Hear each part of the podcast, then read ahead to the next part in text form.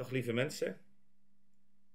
Ik uh, heb weer een aanvulling op het onderwijs in het andere filmpje. En uh, belangrijke aanvullingen proberen de onderwijsblokken een beetje beperkt te houden. Dus ik uh, werk af en toe met wat aparte filmpjes, soort aanvullingen, bijvoegingen. Als we bepaalde stukjes heel kort aantippen tijdens de, nou ja, de basis zeg maar, van de cursus, ga ik daar soms wat apart even wat extra op in om, om daar wat verdieping in te brengen ook die filmpjes zal ik proberen een klein beetje kort te houden, omdat het ook uh, ja, goed is om, om het behapbaar te houden. Um, want het woord is zo rijk, je zou eindeloos uh, kunnen gaan dwalen. Um, dit filmpje gaat in ieder geval over de geestelijke wereld.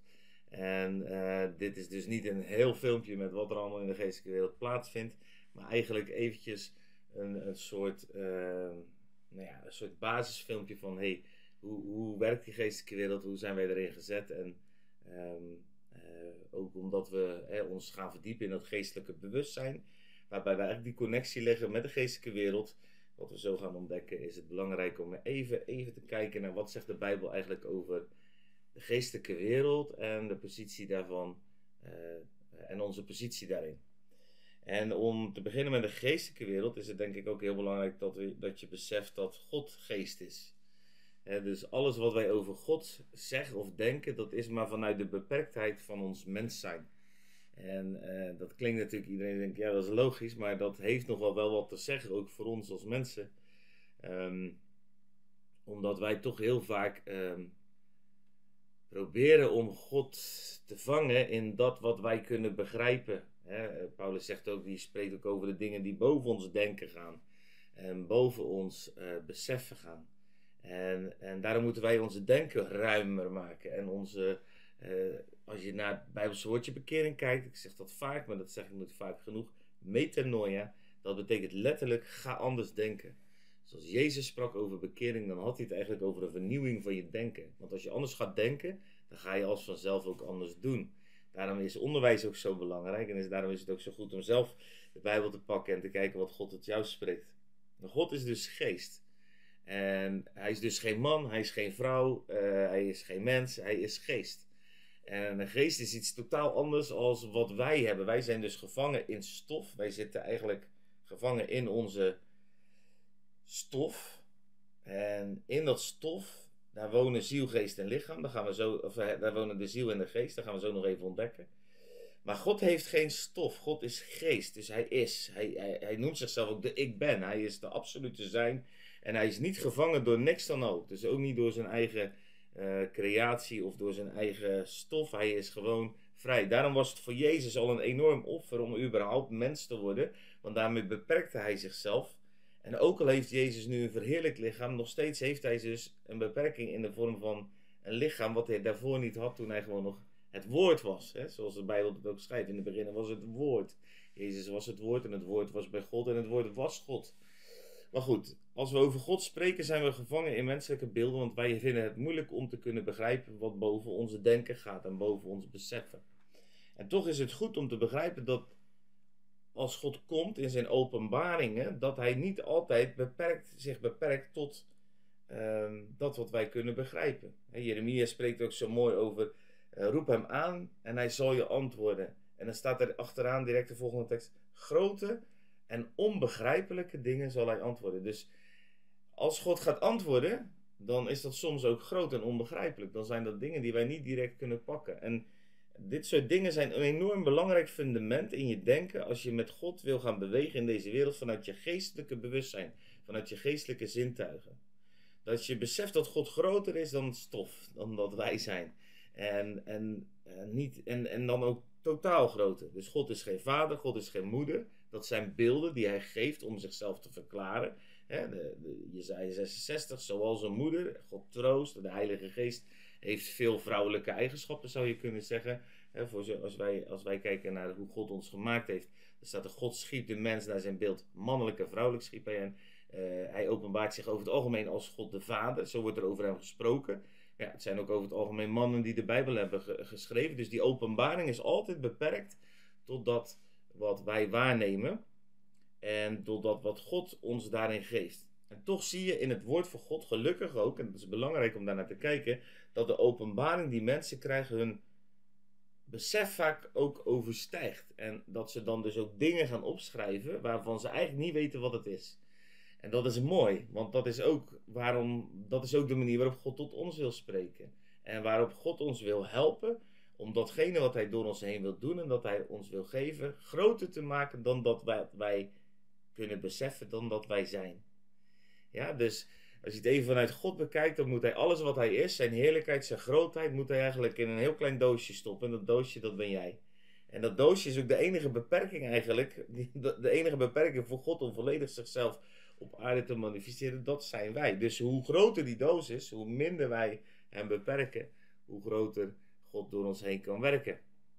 En wij bidden dan, ehm, laat uh, uw koninkrijk komen, laat uw wil geschieden in de hemel op, als op de aarde. Nou, dat is dus wat Gods wil op aarde geschiet, is eigenlijk altijd door de mens heen. Want de mens is daarvoor op aarde uh, gezet. En natuurlijk kan God een bovennatuurlijk ingrijpen of een, een wonderlijk ingrijpen doen. Maar de normale manier van werken voor God op deze aarde is, dat kan je door de hele Bijbel heen lezen. Ik kom er straks ook nog even op terug, uh, op, op onze positie. Um, is door mensen heen. Dus God heeft de mens uitgekozen om op deze aarde dominion te voeren, de heerschappij te voeren. En die heerschappij is datgene wat God heeft vertegenwoordigd hier op aarde. Dus dat, is, dat is de hele bedoeling van de mens al vanaf het begin. Um, maar als God dus gaat spreken, kan er dus boven je beseffen uitgaan. Ehm, zo uh, kan je in uh, Ezekiel vinden, moet je maar eens Ezekiel 1 uh, eh, lezen. Echt een prachtig stuk ook, waarin Ezekiel een ontmoeting heeft met God. En die ontmoeting met God die is zo intens, zo groot, um, dat hij er eigenlijk niet echt woorden voor heeft. En hij gaat dan alles, dat is heel mooi, Ezekiel 1, moet je maar eens lezen.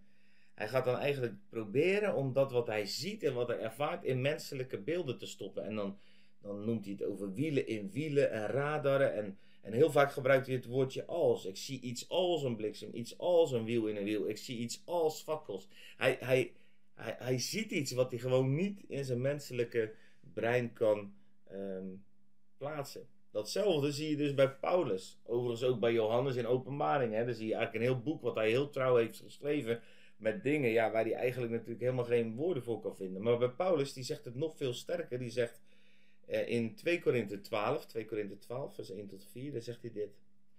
Te roemen is werkelijk niet gepast voor mij, want ik zal komen op de verschijning en de openbaring van de Heer. Ik ken een mens in Christus, 14 jaar is het geleden, dat gaat over hemzelf. Maar hij, hij spreekt eigenlijk met zoveel ontzag over die gebeurtenis dat hij in de derde persoon gaat spreken. Of het in het lichaam gebeurde of buiten het lichaam, ik weet het niet. God weet het. Maar dat zo iemand tot in de derde hemel werd opgenomen. En ik weet van deze mens, of het in het lichaam of buiten het lichaam gebeurde, weet ik niet. God weet het. Dat hij werd opgenomen in het paradijs en onuitsprekelijke woorden heeft gehoord, die het voor een mens niet geoorloofd is om uit te spreken. Dus eigenlijk heeft hij een ervaring gehad in een. Hij weet niet eens of hij op dat moment nog in zijn lichaam was. Hij, het was zo heftig dat hij hij weet het gewoon niet. Of hij nou in zijn lichaam was. Of dat hij misschien al buiten zijn lichaam was. Zo bizar dus. Hè, die ervaring die hij gehad heeft. En, en hij is dus ergens geweest. Wat hij de derde hemel noemt. En in die derde hemel heeft hij dingen gezien. Die zijn onuitsprekelijk. Daar heeft hij geen woorden voor. Hij, hij, hij, hij durft ze ook niet uit te spreken. Hij durft er ook geen woorden voor te vinden.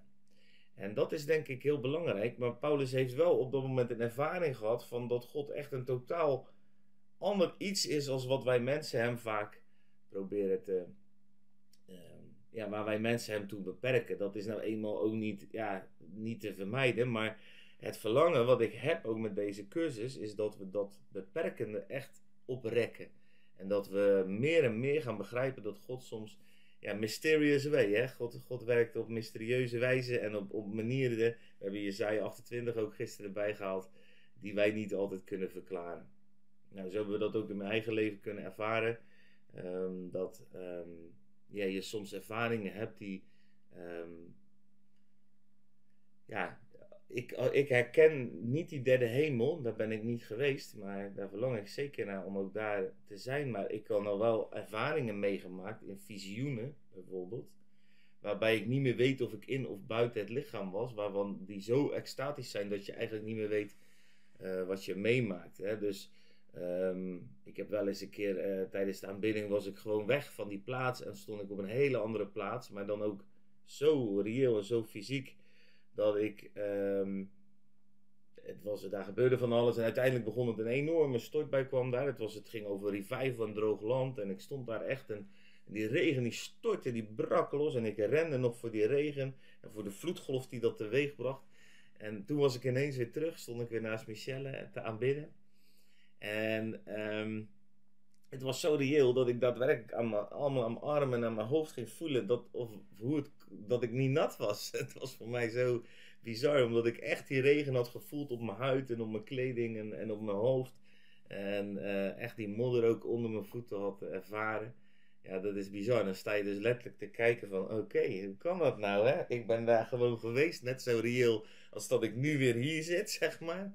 En uh, ja, dus dat gaat over ervaringen die ook zintuigelijk zijn. Dus je kan ook, dat voel je dan ook daadwerkelijk. Nou, uh, zo heeft Michelle ook ervaringen, daar zal ze deze cursus ook zeker nog wat over delen. Ook hoe, uh, hoe God met haar.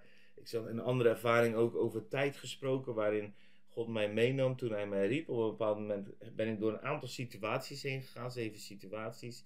En die situaties zie ik eigenlijk op dit moment in mijn leven voorbij gaan. Maar op het moment dat ik daar doorheen ging, was het zo reëel dat het me zelfs fysiek echt heel moe gemaakt heeft. Toen ik terugkwam van, uh, uh, bij Michelle, toen ik die ervaring gehad had, ik was op reis geweest en ik had die ervaring gehad in, uh, tijdens een conferentie. En ik kwam terug in Nederland en ik was gewoon helemaal uit. Mijn hele lichaam was ook op door die. Ik, ik had dus een aantal ervaringen meegemaakt. Dus um, bijvoorbeeld um, fysieke ervaringen. Dus uh, dat mensen bijvoorbeeld bij me weggingen en dat ik daar heel veel verdriet over had op dat moment. Maar dat was, ik was zo in de geest dat ik het ook echt meemaakte. Dat ik echt de pijn al voelde, dat ik ook echt die ervaring al had. Uh, er kwam een vrouw naar mij toe met, een, met een, een, kindje wat overleden was. En die zei: Je hebt het niet kunnen genezen, je hebt het niet kunnen genezen. En, en ik had er zo'n verdriet over. Ik had er zo verdriet over, want ik weet dat mijn God geneest. En die vrouw had zo strijd met God. Het zijn, zijn dingen die, um, die ik meemaakte in de geest, maar die fysiek zelfs een weerslag hadden op mijn lichaam. Uh, in het natuurlijke. Dus zo is het natuurlijke en het geestelijke met elkaar verbonden. En, um, maar goed, ik, even, dit ging even over God is geest. De geestelijke wereld. De geestelijke wereld is heel reëel. En, en op het moment dat wij in de geestelijke wereld gaan bewegen, dan manifesteert die geestelijke wereld in onze stof. En dat betekent dus ook dat het dat stof ook bewerkt en dat het ook raakt. Wat ik vooral belangrijk vind, is niet al die ervaringen waar het over gaat, maar het gaat eigenlijk over dit: dat je God de ruimte leert geven om dingen te doen die hoger gaan dan wat jij kan um, bedenken op dit moment. Dus dan wat jij in jouw, dat jouw doosje groter wordt, waar God dan zichzelf in kan manifesteren. Nou, Paulus heeft het over die derde hemel. Dus nog even over de geestelijke wereld. Uh, Paulus heeft het over de derde hemel. En met die derde hemel, um, daar is hij geweest. En ik gebruik, wij gebruiken vaak om dingen uit te leggen het woordje de derde hemel, de tweede hemel en de eerste hemel. Als we kijken naar de, um, naar de geestelijke wereld. En um,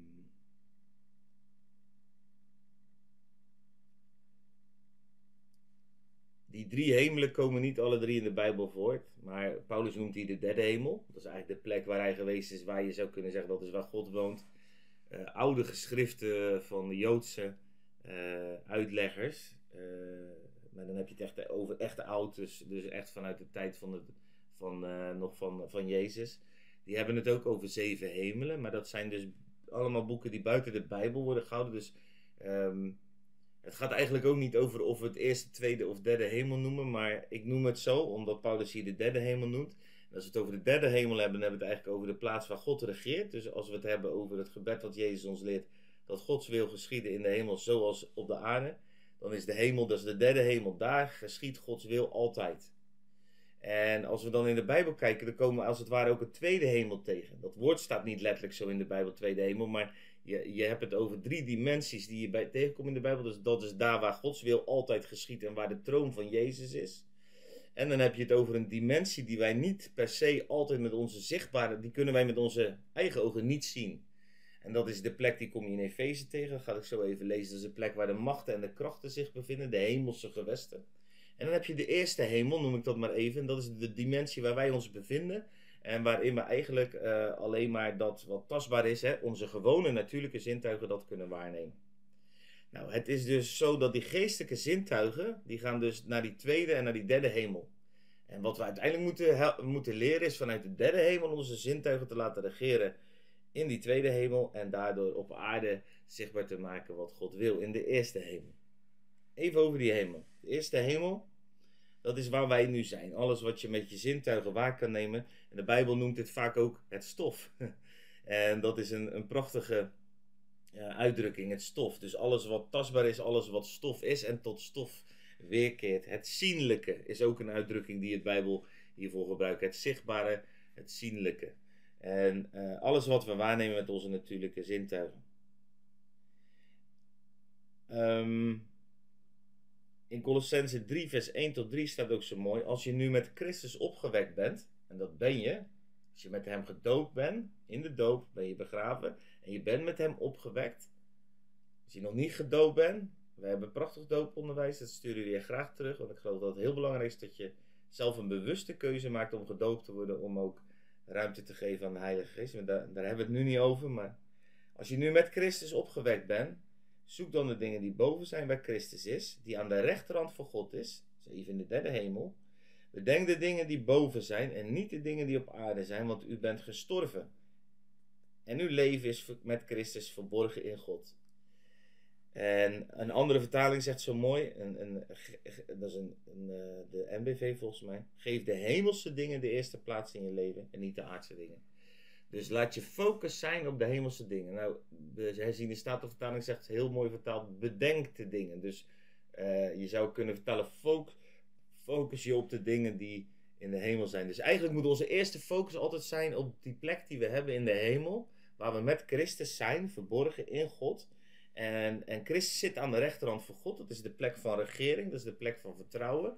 En eigenlijk zitten wij daar dus ook in Christus. Dus wij zijn met hem gezeten in de troon, zegt Efeze ook. Hè? En dat zegt dit, dit stukje eigenlijk ook zo mooi. En dat betekent dus dat wij in die derde hemel eigenlijk een positie hebben gekregen. Als mensen hebben we eigenlijk in de derde hemel een positie gekregen. God heeft ons gaven en mogelijkheden gegeven om daar waarnemingen te doen. En om van daaruit eigenlijk die waarnemingen te laten gaan doorvloeien op deze aarde interessant is dat. Dat, is dat, dat als je alleen al beseft dat dat je positie is, dan ga je al rechterop lopen, toch? Op deze aarde, lijkt mij. En we moeten dus voortdurend bedenken, gefocust zijn op de dingen die boven zijn. Dus alles wat onze aardse zintuigen maken is fijn, is heerlijk. Ik hou van lekker eten, ik hou van uh, het genieten van het leven. God heeft ons een prachtige tempel gegeven waar de Heilige Geest in woont, waarmee je heerlijk uh, kan genieten en kan leven en dingen aan kan raken en lief kan hebben. En weet ik veel wat voor prachtige dingen we allemaal niet kunnen doen uh, met onze stoffelijke zintuigen. Maar eigenlijk zegt Paulus hier in Colossense, uh, gebruik je geestelijke zintuigen. Bedenk, focus je, wees bezig met de dingen die boven zijn. En dan als we daarvan namelijk gaan leven, dus niet vanuit dat stoffelijke waar we hier zitten, maar vanuit die derde hemel waar we eigenlijk een positie hebben gekregen, dan ga je leven heel anders inrichten. Eh, ik heb dat andere filmpje aan jullie toegestuurd van de geestelijke mens. Misschien heb je dat ook gekeken. Of misschien moet je dat nog kijken. Maar er zitten diezelfde parallellen in. Dat we niet meer vanuit het aarde, aardse naar boven gaan. Dus niet meer vanuit lichaam en dan onze uh, ziel uiteindelijk naar de geest gaan, maar dat we het omdraaien. Dus dat we vanuit de geest gaan regeren over onze ziel en dan het lichaam uiteindelijk gehoorzaam maken. Het is dezelfde volgorde, het is dezelfde drie-eenheid, het is dezelfde um, manier van denken. Het is dezelfde positie leren innemen. Right? En dat is belangrijk, weet je waarom ik, het is misschien, vind je het een beetje uitgebreid deze start ook, maar het is zo belangrijk dat als we verderop in deze cursus zijn en wij hebben het over je positie en we hebben het over derde hemel, dat je begrijpt wat we daarmee bedoelen. Daarom zijn deze filmpjes belangrijk. Dat je daar ook begrip voor hebt en dat we dan dezelfde definities hanteren. Uh, en jij niet aan iets heel anders denkt als waar wij aan denken als we dat soort woorden noemen. Dan de tweede hemel. Die kom je bijvoorbeeld tegen in Efeze 6, vers 12. Je komt hem door de hele Bijbel heen tegen, overigens. Maar in Efeze 6, vers 12 wordt hij keurig benoemd. En daar staat: Wij hebben de strijd niet tegen vlees en bloed. Niet tegen het stof, niet tegen de aardse dingen. Daar hebben we geen strijd tegen. Maar we hebben onze strijd tegen de overheden, tegen de machten, tegen de wereldbeheersers van de duisternis van dit tijdperk. Tegen de geestelijke machten van het kwaad in de hemelse gewesten. Efeze 6, vers 12. Dus onze strijd is niet hier op aarde, is eigenlijk niet in die eerste hemel. Ook al zou je dat wel denken. Hè? Want, maar eigenlijk is onze strijd in de hemelse gewesten. Dat is dus die tweede hemel, noem ik dat even. Dus dit noemen wij de tweede hemel. De hemelse gewesten. En dat is dus de plaats, en dat kan je hier ook zien. Daar zijn de machten, de krachten, de overheden, de wereldbeheersers van de duisternis van dit tijdperk. Je zou eigenlijk kunnen zeggen, de tweede hemel, dat is eigenlijk de plaats waar, um, ja, waar de Satan eigenlijk, de dimensie waarin de Satan nog, nog eigenlijk um, zijn invloed heeft, waarin hij nog beweegt, waarin die machten, die krachten en die wereldbeheersers nog aanwezig zijn. Dit is geen les over, over wat voor machten en krachten zich daar dan bevinden, maar ik kan je dat heel simpel samenvatten. Alles wat zich daar beweegt uh, en wat niet uit God is, want ook engelen kunnen in die ruimte bewegen, um, dat is niet goed. En, en, en daar zijn enorme hiërarchische structuren, ook in het rijk van de Satan is enorm hiërarchisch en enorm um, enorme, ja, wat bedoel ik met hiërarchisch? Ze, ze, weten, ze, staan, staan heel duidelijk, ze hebben ze bepaalde gebieden, bepaalde plaatsen. Uh, uh, ook dat als we het over geestelijke waarneming hebben, maar die komt ook nog alleen een keer in de les. Misschien ken je het verhaal wel dat Jezus iemand uit de stad haalt, voor hem bidt. Zijn ogen gaan open en dan ziet hij mensen als bomen wandelen. En dan bidt Jezus nog een keer. Hij moet dus, Jezus moet dus twee keer bidden. Hè? Dus als Jezus dat dan moet, hoe vaak moeten wij dan soms niet bidden voor genezing bij mensen? Maar Jezus bidt twee keer en dan gaan zijn ogen helemaal open. En dan zegt Jezus dit, is heel opmerkelijk. Ga niet terug in die stad. Maar waarom zegt Jezus dat? Dat zegt Jezus, dat zegt dus iets over waarschijnlijk een bepaalde macht in die stad. Die daar zoveel invloed had, dat die man, als hij terug zou gaan, weer opnieuw blind zou worden. Dus als je het hebt over geestelijke waarneming, hebben wij het dus ook over geestelijke zintuigen, hebben we het over die dimensie waarin we durven en willen en gaan staan en willen gaan waarnemen. Dus vanuit die derde hemel waar we een positie hebben, kijken we als het ware wat God wil. Wat wil God? Wat wil God vanuit de troon? En vanuit daaruit gaat het door de tweede dimensie heen, waarin wij dus autoriteit hebben gekregen van God. Want Adam had die slang ook gewoon het paradijs uit kunnen slingeren. Sterker nog, dat had hij zelfs moeten doen, want dat was zijn mandaat. Hij had nooit in gesprek moeten gaan met de slang. Dat was zijn grote fout. Hij ging in gesprek met die demon, hij ging in gesprek met de Satan. Terwijl eigenlijk God had gezegd, je moet de hof bewaken en bewerken, je moet erover heersen. Dus hij had die slang gewoon op moeten pakken en hem gelijk eruit moeten smijten. Moment dat dat beest ging praten. En op die manier ging praten om leugens in zijn denken te brengen. Um, dus we zitten vanuit die positie in de derde hemel. Dan gaan we naar de tweede hemel, waarin wij autoriteit hebben gekregen voor God. Want wij hebben de sleutels van het koninkrijk om te binden, te ontbinden enzovoort. Komen allemaal nog langs. Dus ik nu even over de principe. En dan daaruit vandaan gebeuren er dingen op aarde. Dus heel veel van wat hier op aarde gebeurt, is, wordt bepaald in die tweede uh, hemel. En dat zegt het woord hier letterlijk, die staat, wij hebben niet strijden tegen vlees en bloed, maar wij hebben onze strijd tegen overheden, machten enzovoort. En die strijd die voeren we met onze geestelijke wapenuitrusting. Daar kom ik eh, in de derde les even kort op terug, die geestelijke wapenuitrusting. En die strijd die uh, voeren wij dus niet tegen vlees en bloed. Dus iemand zei ooit van, je, je, man of je vrouw is niet je vijand. Je kan soms het idee hebben dat je buurman je vijand is, of je vrouw of je kind. Dat is nooit waar. Er is altijd een dimensie waar, waar eigenlijk die vijandschap wordt gecreëerd en wordt gevoed. En daarom is het ook in heel veel gevallen, in alle gevallen, uiteindelijk de strijd die in de hemelse gewesten plaatsvindt, die bepaalt hoe de dingen hier op aarde gaan. Daarom is bidden over het algemeen ook een veel krachtiger wapen dan eindeloos redeneren met mensen. Alright? Gaan we allemaal, dit komt allemaal op gedetailleerde niveaus terug als we het gaan hebben over waarnemen, voelen en dat soort dingen. Maar het is belangrijk dat we de principes begrijpen. En die derde hemel, daar hebben we het ook over gehad, is dus de plaats waar de troon staat en waaruit wij mogen regeren. Um,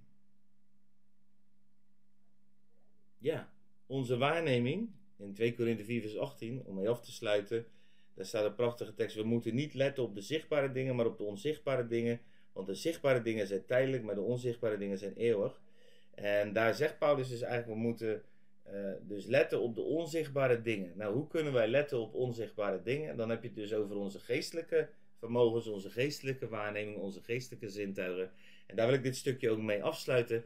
Dat is hoe wij bedoeld zijn um, om vanuit onze geestelijke waarneming, vanuit de troon te regeren in die tweede wereld, waarin wij heel veel autoriteit van God gekregen hebben. En vanuit die tweede wereld komt dan de zegen die wij daar eigenlijk veroveren in de goede strijd, komt uiteindelijk op de aarde tot zichtbaarheid. En um, ja, als je het filmpje De Geestelijke Mensen nog niet gekeken hebt, is het belangrijk dat je die ook even kijkt in combinatie met dit. Omdat dat dezelfde principes zijn, maar dan even in jouw mens zijn vertaald. Uh, in, in jouw emoties, je gevoel, je verstand, hoe dat soort dingen zich verhouden. Alright, super bedankt voor het kijken en um, fijn dat je meedoet.